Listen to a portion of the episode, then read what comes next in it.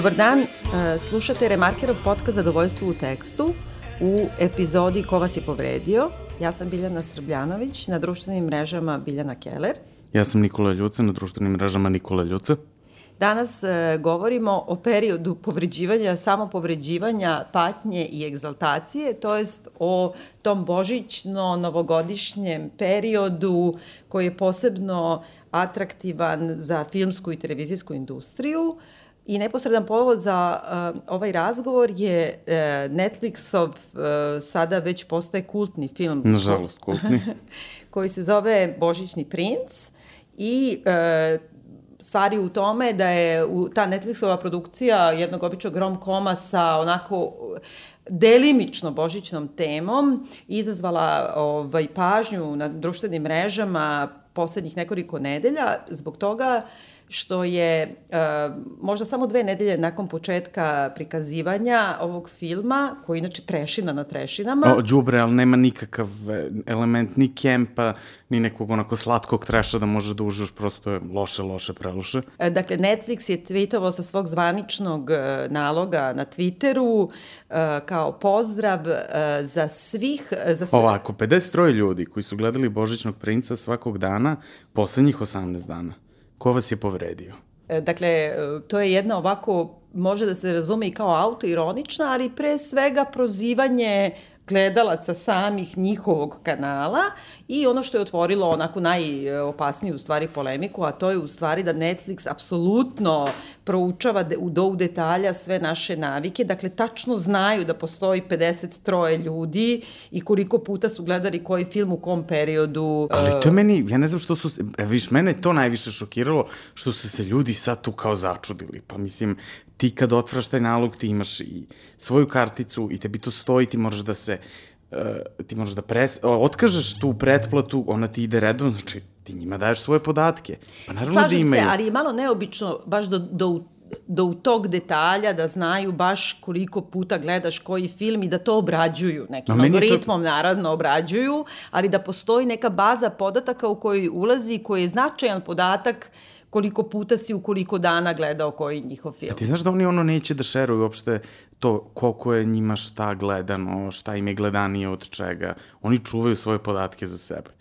I to je jako zanimljivo. Svi drugi govore ovo im je gledanije od ovog, ovo zbog ovog. Sve televizije daju koliko je šer ovog, koliko ovog, koliko...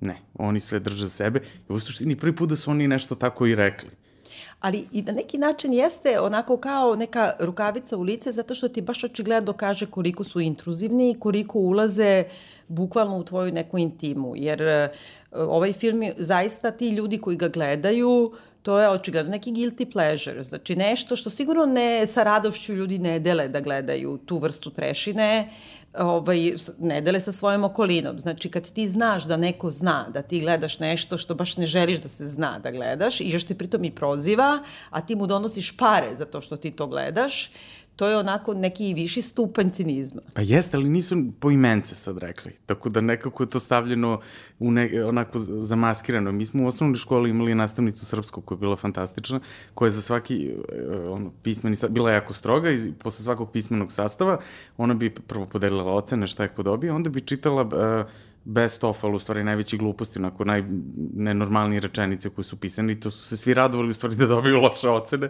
što god samo da bi slušali, to nije govorila ko je šta rekao, ali je to nekako su izjavene te rečenice. Ima tu nečeg, kad se to tako pusti u javnost, nešto što malo onako i pročisti. Da, ali je malo i public shameovanje, bez obzira što se ne izgovori tvoje ime, sama činjenica da, da ti znaš da neko zna tvoju tajnu i da ti znaš da ona zna da si ti tu glupost napisao, znači ona je čuvarka te tvoje neke mračne tajne, još ti se i podsmeva, znači e, to što ostali ne znaju da si ti u pitanju, ti znaš da ona zna i to je nekako ono, ja kad bih bila katolkinja roknula bi popa posle svake ozbiljnije ispovesti, jer bez obzira što to on čuva za sebe, nekako je postoji nek, neki viši stupanj perverzne neprijatnosti. Jeste, ali ti si internetom moraš da prihvatiš ta neka kao pravila da nisi uopšte siguran tu i šta god da radiš, to postoji neki trag, nekako pa znamo sve sa Googlom i sa reklamama kako ide i kako ti izleti iz maila ovo. Pa već smo se navikli na to. I to je bila frka, frka, frka, sad su svi prosto prihvatili da ako spomeneš određeni parfem, iskočit će ti reklama za to ako spomeneš da si negde bio, neku zemlju, odmah izađu aranžmani za okolne zemlje i tako, tako da to je to je nažalost ovo gde smo mi, ali mi sad odo smo malo u neku kao, da. kao zašto su oni to rekli, nije nam to bio povod, nego te Nije nam to bio povod, mada meni to bilo zanimljivo i samo da, da nekako zaključimo i ovu digresijicu, e, ja sam nedavno otkrila da postoji u stvari mehanizam, nemam naučni dokaz za to, ali su mi objasnili da utvrdiš ko te srčuje na fejsu. I onda sam, mi se desilo da sam u jednom danu slučajno videla ono kad ti ponude, kao Face ti nudi da li znaš ove ljude, iako, mislim, nisi se njima u kontaktu i niko ni od tvojih nije u kontaktu. I na toj jednoj ovaj, e, ponudi bila je žena mog bivšeg dečka, bio je moj bivši dečko i bio je bivši dečko moje najbolje drugarice. I onda a, nam je bilo jasno u stvari da su nas oni srčovali nedavno i to je nekako vrlo simpatično. Ko ih je povredio? Ko ih je povredio. a ne sedi u ovoj prostoriji. E, I sad, period je godine koji je za mene sve depresivniji i depresivniji, jer ja nešto ne podnosim tu vrstu niti sumiranja godine, niti tog naređenog veselja, niti tu vrstu konzumerizma nekako me onako dosta razbije i e, ta potreba da sad smisliš šta ćeš da radiš za praznike, da li ćeš da ideš negde, da ćeš biti E, s kim ćeš biti, da moraš da se provedeš. Godine. Da, i uopšte taj, taj neki, neki period obiranja poklona, razmišljanja ko, na koga si zaboravio, sećanja nekih prošlih uh, praznika, onih koji više nema u porodici ili šire. Uh, I onda meni je to baš onako jedan vrlo, vrlo depresivan dan u godini, mada je za mene zvanično najdepresivniji dan u godini, 1. januar. I onda unapred kad znam da posle te 31. ide taj 1. januar, ono ako bih mogla da prespavam mesec, bilo bi super. Do Svetog Jovana, ako bih mogo niko da me ne dira. I onda nekako nisam baš dobra publika za te božićne radosti. A ti? Pa, znaš šta, ja sam kao mali obožavao taj period zbog toga što su tad filmovi non stop bili. Uh, i nekako nis, nisi morao da ideš u videoklub, nije bilo toga i onda ono, moji bi ostali, ostali do kasno spavao, ja bi ustao i gledao do besmisla crtane filmove, filmove, tu bi uvek išli on, na, ili neki najveći hitovi ili bi čuvali nešto novo veliko televizije, što nije bilo.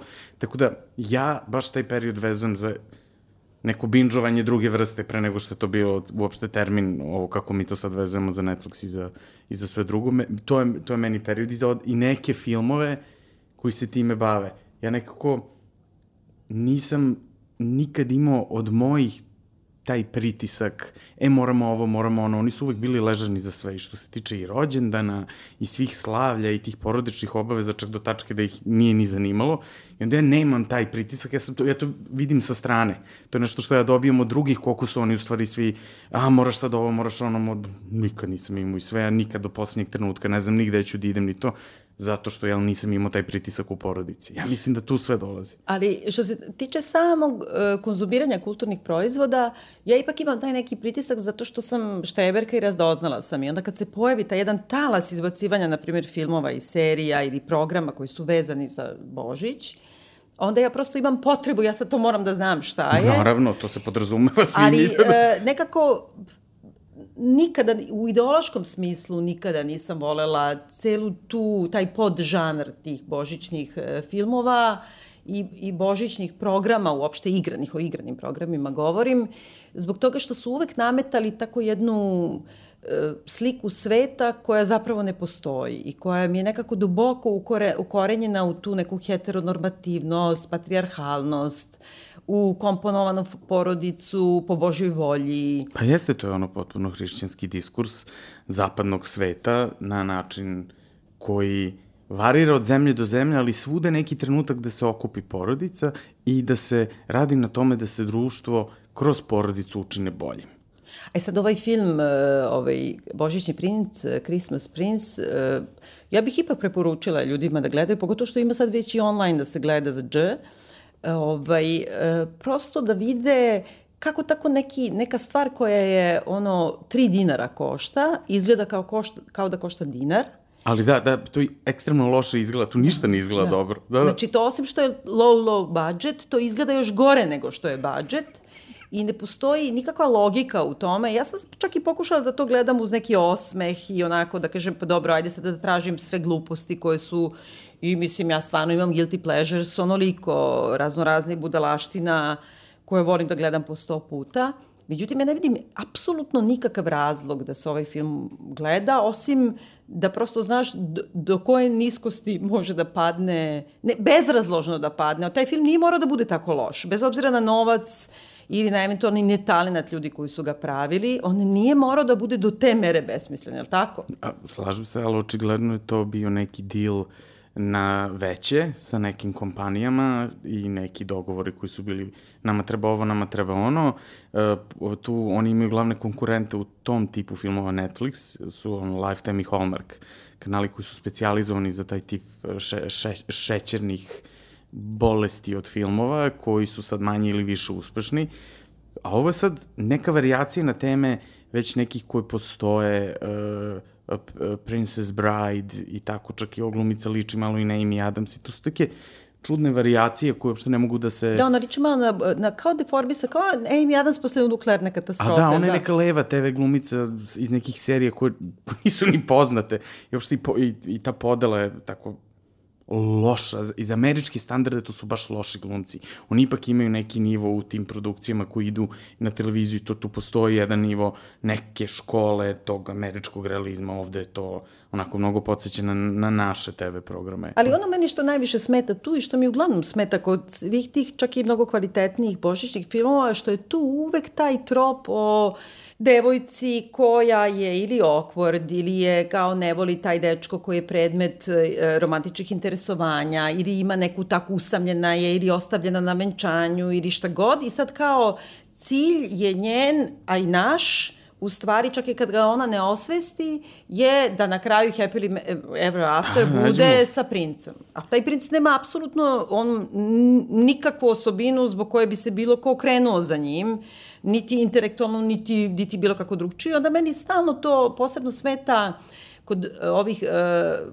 bajki za decu u crtanim verzijama savremenim, kad ti onda detetu ne možeš da objasniš, na primjer, zašto se princ zaljubio u Snežanu kad je video samo jednom jednom mili deliću sekunde, znači bukvalno ono osmotrio je kakva je riba i onda je kao ona glupača 700 puta otvorila vrata zloj veštici i onda je kao i patuljci i princ spašavaju i kao može da je spasi samo poljubac muškarca. Ili uh, princ sa pepeljugom kao. Odigrali su jedan ples, nisu progovorili ni reč, ona ima malu nogicu i sad će onda je nađe ili ona graciozna. Mislim, za, u čemu se oni zaljubljuju jedan u drugog? Tako i ovo isto, ovo je neka, ajde da kažemo, zaplet najosnovniji, ona je kao neka e, ovaj početnica novinarka ili asistentkinja da, u nekom... neki kao niži urednik u nekom da. časopisu. U nekom generičnom now, časopisu, nešto, nešto bez veze. Vanity Fair za ono, trash verzija Vanity Fair. Smešno mi je, našla sam jedan tekst, stavit ćemo ga u linkove, kao kakve je naslovne stranice tog časopisa, da, to je, mnogo to je genijalno. Jeste, kao, to je jako na naslovnoj stranici e, ovaj, jednog izdanja piše ovako,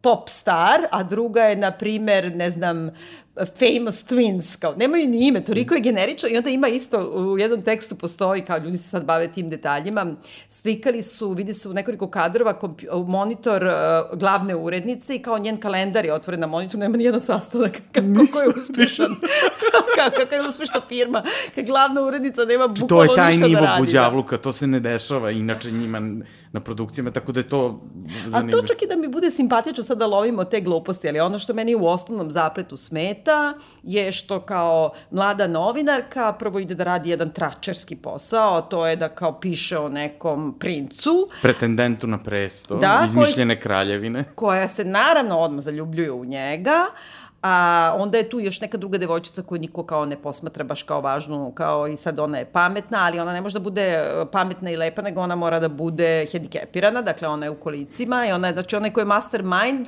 on ne može da bude i seks simbol, ne može. nego jednostavno mora da joj nešto fizički fali, ili si lepa, a naivna i dobra si u duši, to je tako taj neki princip kao onaj đavo nosi pradu, na primer. Ali đavo nosi pradu je to je nešto čemu možeš da uživaš. Jer to je, tu ima svesnog preterivanja, tu ima dobrih glumaca, to, tu možeš se pustiš i da se smeješ tamo. Ja sam i svoje potrebe za trešom čitala roman Đavo nosi Pradu. Uf, no to dotle ne. Ej, da, a, dobro, ja uvijek imam izgovor, ja čitam na jezicima na kojima, koje slabije govorim tog trenutka i onda nekako kao stalo sebi govorim kao vežbam jezik. Kao, da Vežbaš jezik u streš literaturu. Pa da, da, da, pa dobro, zato što ti je lakše to, znaš, a onda usput nekako se i nateraš da ga vežbaš.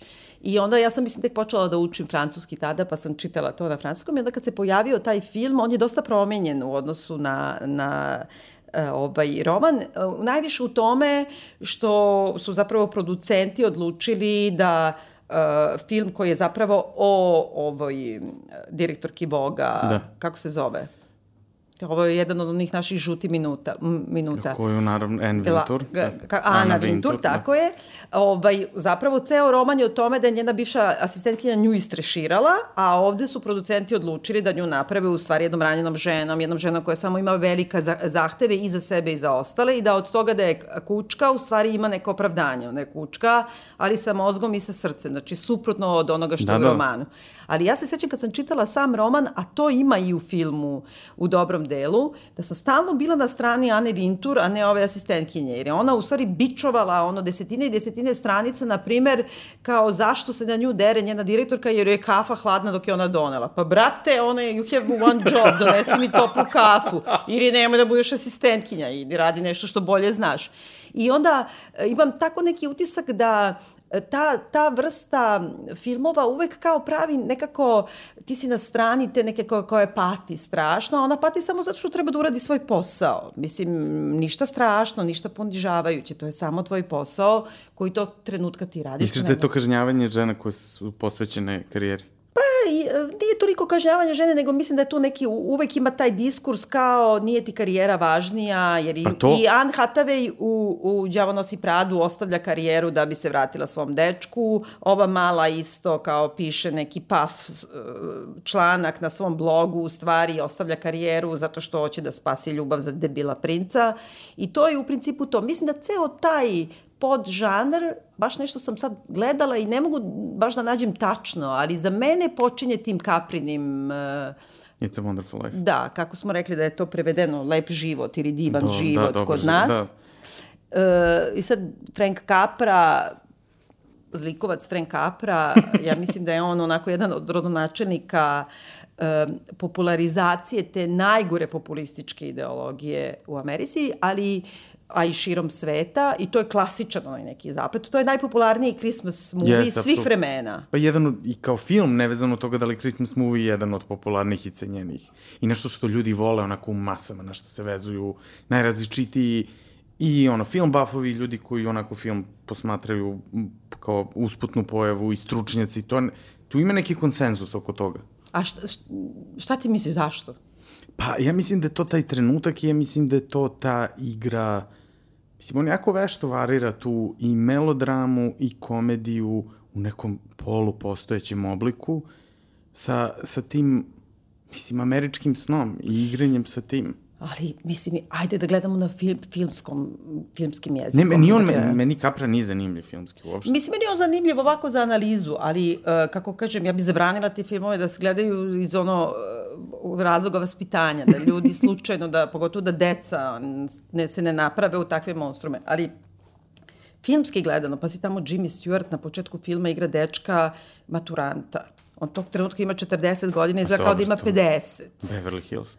Pa ne, ali to je meni, na primer, nekako i uopšte ta, taj uvek junaci, taj everyman, Kaprin koji je u sukobu sa čitavom Amerikom, uh, taj populistički heroj, on je uvek neki dečačić, i koji je uvek tako malo trapav i uvek je tako malo nekoga uvek izradi i on je tako nešto stidljiv i ne ume sa ženama i sve, a žene su te koje su ili, ili imaju želju za kastracijom, znači one su neke opasnice, I, ali uvek su u funkciji tog muškarca. Znači, ili je mama dobrica, pa mama u svim filmovima nađe koja je druga žena za njega, isto neka dobrica, koja je nekad u nekom trenutku možda i htela nešto drugo, ali u stvari sam da pokajala, a glavna pretnja uvek dolazi od te neke kao američke visoke buržuazije, to su uvek neki Taylor ili neki Potter ili te neki junaci koji su ili bankari ili ne znam, ovaj, moćni vlasnici kompanija, koji su u stvari ta kru, krupni kapital koji gazi tog jednog malog čoveka koji želi svima da poderi pare i svima je dobro i onda kao taj mali čovek može da uspe. Mislim, prvo ne može. pa mora nešto da se priča, mora da se prodaje laž. A vidiš i tu i u ovome što si rekla, ima ta naivnost glavnih junaka kao neka karakteristika. Jesu to ovi ljudi koji su povređeni, ti neki naivni koji mogu to da gledaju toliko puta. Evo, mislim sad kao zaključujem, je li to, je li to neka sad karakteristika zašto se ti vezuješ za taj tip Ja ne mogu uopšte da, da, da, da shvatim, ja mislim samo ta neka potreba za happy endom u životu i kao ta neka identifikacija kao ja sam mali čovek ili jedna kao naivna mlada ženica koja samo želi ljubav i istinu i kao sve nas čeka neki princ. Uh, I uopšte ta kompozicija, ti samo želiš u stvari da imaš neku porodicu da se... To te potpuno umrtvi. I prvo i to nije tačno. Mislim, nekako imamo utisak da to perpetuira, da kad ti gledaš takve narative, onda ti stvarno misliš da je to tvoja potreba. Učite da treba tako da misliš. Tako je. To je, navikavate na to. Ali onda dolazimo do ovog kao vrlo polemičkog uh, trenutka, a to je u stvari savremeni najomiljeniji božićni film evo, poslednjih 20-30 godina je... Bolesno popularno, Love Actually. Love Actually. Ja moram da kažem našim slušalcima da ja nisam nikad gledala do danas, kad si me ti naterao zbog ove ideje za podcast, da pustim da gledam. Nisam imala neki stav zašto da ne gledam, nego to je jedna od onih stvari koje mi promaknu u životu. Kako? To je toliko miliona puta bilo na televiziji. Da ti kaže, ja sam 11 godina živjela u Parizu, nikad nisam popela Najfelovu kulu, jer kao sve sutra ću. tako da mislim, tako i za Love Actually. I uh, sad, uh, ti si poznat u našem malom remarker krugu kao neko ko jako ne voli taj film. Da, to je, ja mislim da je to sve najgore što postoji. Prvo, taj film je onaj vrsta tih multi-character hyperlink filmova koje ja generalno volim. Sad tu ima isto velika količina džubreta, ali to je nešto što ja u startu mogu da gledam, pa čak i kad je baš loše, meni je to nekako zabavno da gledam to prelamanje, deljenje sudbine, što god. Meni, to je nešto što me od malena vuklo. Ja ovaj film, ne znam da li sam ikad uspeo ceo da pogledam, on mene uvek toliko iznervira u, u nekom trenutku, jer to je, onako naj, onaj najstrašniji kancerogeni kič, to je estetika tržnog centra, izloga tržnog centra, kataloga za popust u nekoj prodavnici, to su, to su te boje, emotivna kompleksnost likova je ono uh, Britain's Got Talent i tako, to, to su sve, sve, sve najcrnje, najbanalnije, upakovano u nešto što se raspada. To je meni fantastično, što je film se raspada, to se jedva prati šta se tu dešava, ko kad, pa malo pola sata samo jednoj priči, pa se onda vrati na nekog drugog i to. Ljudi to vole, ozbiljni ljudi, naši prijatelji, koji su slabi na to. Uh, ja sam, dakle, uzela danas da gledam i moram da kažem da sam se veselila. Od svih ovih nekih što sam se podsjećala, svih raznih božićnih filmova, meni se ovo dopalo i uh, prvo zašto ja volim sve gde je Hugh Grant, I on meni, je, ono... meni Hugh Grant super, ja nemam problem s njim uopšte, ali mislim ono sad kao on, on kao zbog uh, sekretarice spočita američkom predsedniku onako neki najtrash britanski nacionalizam, znači tako jadno. Da, uh, ja moram da kažem, sad sam i tu malo analizirala, dakle, ja se ne slažem sa tobom, ne nervira me uopšte taj film, šta više bio mi je zabavan, ali ne delim to kao odkidanje opšte. Od svih tih takvih filmova, meni je četiri venčanja i sahrana, Apsolutno. taj, to, to mogu da gledam svakog dana, celoga života za uvek. Jeste, kao, to je I mislim film. da je baš onako najbolje od svih tih. Čak i Notting Hill. Muriel's Wedding. Do, onako. To je drugo, ja volim Muriel's Ali Wedding. sam napravila ovako, baš kao bacila sam samo na papir ko su junakinje i ko su junaci u Love Actually. Sad kad ti gledaš žene i muškarci, pošto ima kao što si ti rekao taj hor, taj ima e, kao jedna eps, epska struktura, epizodna struktura, mnogo likova. Sad žene ovako kad gledamo, znači, ovaj, Uh, jedna je kučka, znači ta vara muža sa rođenim bratom. Druga je rame za plakanje, Emma Thompson, je da. tako? Jedna je nesrećno zaljubljena, ona u kancelariji što da. je zacopana i svi to znaju. Jedna je simpatična sekretarica da. premijera, donosi čaj, kafu, ali nosi najkomplikovanije izveštaje. Jedna je inteloporno glumica. Da. Jedna je kućnjakinja, tako? Jedna je mlada, znači bride.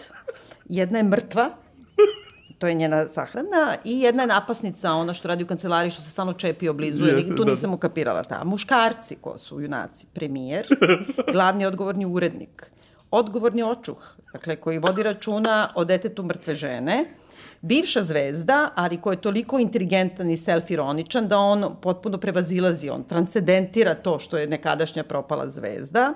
Onda zaljubljeni Romeo koji krije juri ovu da, Kiru da. Knightley, je li tako? Napušten muž. Da još priča možda i najzanimljivija, ajde da kažem. Da. Kao nudi nešto. Ja sam mislila da on gej. Pa Napušten, to, pa to je super, to ti postavi i onda ti iznenadi kao kad gledaš prvi put pre 200 godina. Onda ovaj Stidljivko koji je isto igrao u porno filmu, ali on je neki tako malo Stidljivko i mnogo je fin, je li tako? I napušteni muž, ali je pisac da. i ima mnogo dobro srce. I sad ti sad uporedi funkcije, kućnjakinja, pisac, sekretarica, premijer, asistentkinja, glavni odgovorni urednik. Znači, Uh, Uklapa se u sve ovo što pričamo, u tu vrstu primitivizma. Nema jedna žena da kažeš, mislim, da je ona na nekom položaju ili u nekom smislu iznad uh, muškog pandana. Ima onaj trenutak kad se Hugh Grant ob, ob, obrati uh, portretu Margaret Thatcher, pa je nešto, eto, to je. To je jedina pojava najnegativnija. Pa ja mislim, zato što je, da, zato što je Hugh Grant toliko je samo ironičan i to, da on nekako to, to pokrije. Ali uh, Uh, ne shvatam u če, čemu je ta potreba, ta patrijarhalna potreba da tako uvek stavljaš žene u taj podređeni položaj, evo u najosnovnijem ovom spisku kad gledaš. Ovo bukvalno sad kao gledam, Samo naređene funkcije, da, da, da. Znaš, zašto sad nijedna žena ne postoji izvan odnosa sa muškarcem, a muškarci postoje samostalno? Pa mislim, i cijela ta priča Liam nisu ni oni klinac i kao to dete, kako on sad gleda na stvari i šta on kao radi, a, e, to je ljudima, na primjer, mnogo slatko i tu svi nešto plaču na to i to je tako nešto što ja slušam. Meni to blamanto da gledam, to dete glumina je stvarno prosto za te godinice no, ja koje ima. Vidim, ja kad vidim dete neko ali da nešto zna... plače i pati, meni to odmah tužno. Ali e, nije da, ali ne plače i pati iz, iz pozicije deteta, nego neke fantazije potpuno, to, do te mere sve nema grama uverljivosti i nečeg sa čim ti možeš se identifikuš pametna deca nisu na taj način pametna te replike, a nici se oni svesno poigravaju sa tim. Sve je to meni, nekako nema, nema meni, meni tu nema prolaza da ja mogu se na, za nešto zakačim. Niti je, niti je dovoljno pretrano, niti je stvarno, sve samo je tako cakano. I krene pesma kad treba. I krene odgovarajuća po pesma tu. I uvek na, na onu prvu, prvu loptu svega, meni to nekako porazi kad shvatim da do te mere ljudi mogu da se identifikuju sa takvim. Mislim, identifikuju, da se pustu da, tako da, nešto. Da, da gledaju. A koji ti je omiljeni od tih božićnih filmova? Ali sad stvarno najomiljeniji božićni film Gremlini. Apsolutno. To je antibožićni film, ali to je nešto što ja to je fantastično. Jedan od filma koje volim od prvog trenutka kad sam ga gledao, kad sam bio jako mali, ja i dalje to kad meni meni je to savršeno. To se poigrava sa svim mojim stereotipima o kojima mi pričamo, to namerno to gazi. I on je, on je ne, on kao da gizmo i to sve kao nešto najslađe što postoji. To je film je užasno mračan. I tu ima, sad ti se, sve ovo, bukvalno što si rekla, kako gremlini kad gledaju snažano i sedam patuljaka.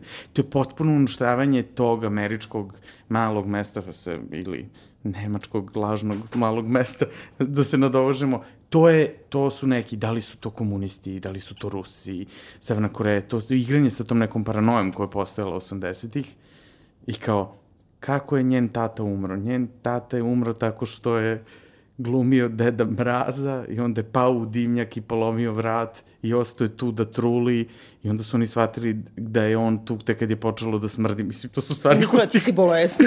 Ti ti to čuješ, ali to je, to je u gremlinima, to su rečenice, to kad čuješ sa 4-5 godina, to ti je super. Rekao, rekao, a, mislim, zašto mene roditelji isto nikad nisu peglali sa tim nekim da sad moram da se pretvaram da...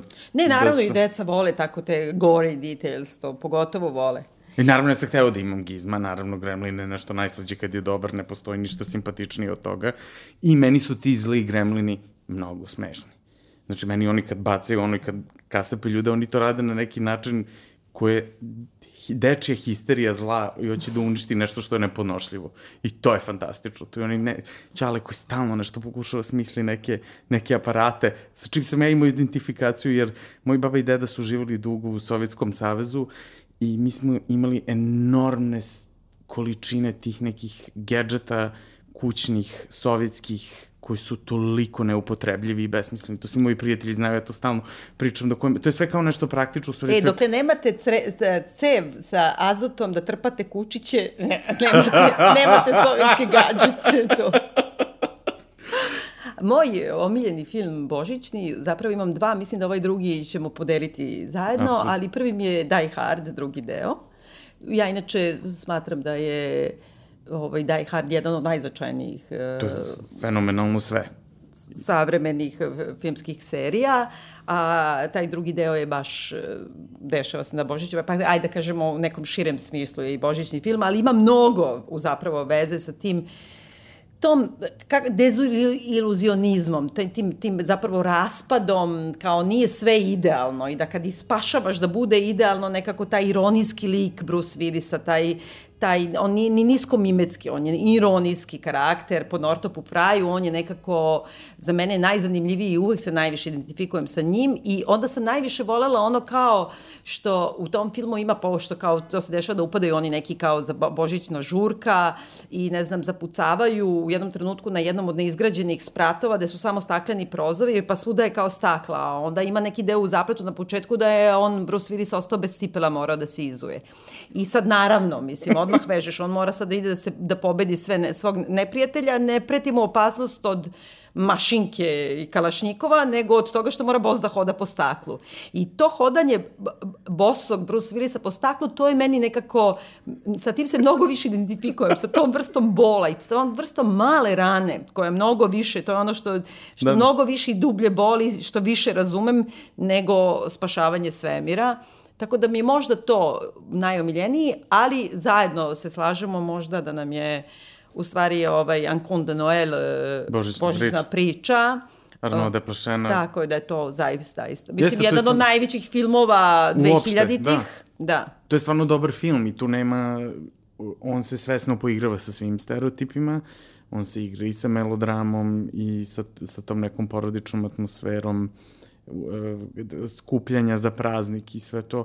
I to radi na jedan tako živ i nepredvidiv način. Mislim, se ti sećaš prvog puta kad si to gledala? Ti ne mm. znaš šta će tu sve se desiti. Do te mere taj film je te iznenadi u svakom trenutku svojim postupkom, vizualno, e, na nivou priče, a opet ima vrlo neku klasičnu mama ima rak i sad se tu nešto krije, iskuplja se porodica i kako tu sad reaguju braća, sestre i to je kao potpuna klasika. Sve je nepredvidivo, ima fantastične citate na Bergmana, Ovaj, da. ono, Ima i to i sam, e, to sam e, negde u nekoj kritici tog filma još svoje vremeno kad se davao, pa je bio u Kanu, ovaj, pročitala, neko je napisao da je kao to Sarabanda, ona, znači muzička forma koja ima i Bergman taj, jedan poslednji, od poslednjih e, Sarabond. film. I to je, je bukvalno tako, to je ona kao muzička forma koja je spora i ozbiljna. Meni uvek onaj handle, Da, to da. mi nekako uvek yes. bude kao kad yes. nešto zamislim, to je i meni ta, ta, ta, uopšte ta Kendlova kompozicija mi je nekako soundtrack mog osjećanja uvek za praznike. Jer e, i lično, ne znam, uvek sam živela e, daleko od porodice ili dugo. I onda kao, znaš, imaš komponovanu, rekomponovanu, savremenu porodicu, svako nešto na svoju stranu, pa se nešto skupite, pa... Ali taj neki osjećaj jednog opšteg, kao jedna euforija oko tebe, a ti imaš neku prazničnu depru, to mi je taj taj ritam te, te hendlove Sarabande i onda mi je ovaj film dosta to, ali mislim, meni su svi njegovi filmovi genijalni. Ja isto, ja ga, ja ga jako volim. I mislim, uh, strašno je važno kod njega čini mi se dve stvari. Jedna je što uvijek piše o sebi i što je užasno do te mere privatno i mislim, Amalrik je njegov alter ego. Da u, u svemu i mislim, on je neka francuska intelektualnija verzija Woody Allena u tom nekom koliko se projektuje i privatnosti meša tu i sa nekim ljudima koji se ponavljaju glumcima i to. Ali to je cijela, čitava jedna struja u savremenoj francuskoj pre svega književnosti, u romanima, a onda i u filmovima i ona često može da bude nombrilistička, da ti sad kopaš sebi po pupku i svoje neke probleme ti sad razvlačiš u neki roman. I, međutim, uh, kad su veliki pisci ili veliki umetnici kao što je on ili ne znam kad je kao Emanuel Carrer ili, da. ra, ili čak i Ulbeck za mene, Jeste. to je onda nešto kopanje po sebi koje je najsurovije prema tebi samom. Uh, I jako mi se to dopada zbog toga što on nema nikakvo opravdanje za sebe.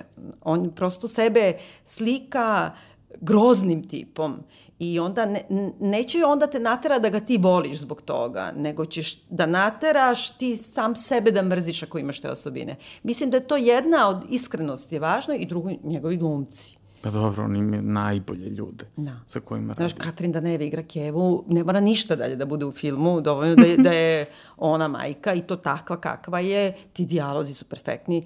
Drugo, ovaj, Kjara Mastrojani, koja je meni Naša omiljena, da, da, da, da. Malo pre smo rekli kako, stvarno, znaš, Katrin Danev ti je mama, a ti ličiš na tatu. I ko je ona bagaž, bre, ima, da. šta ona nosi sa tim? Pa to je ludilo da ti uopšte možeš da pomisliš da se baviš filmu i da se bavi super uspešno, nepretenciozno, ima neki svoj svet u kom je genijalna sa ljudima sa kojima radi.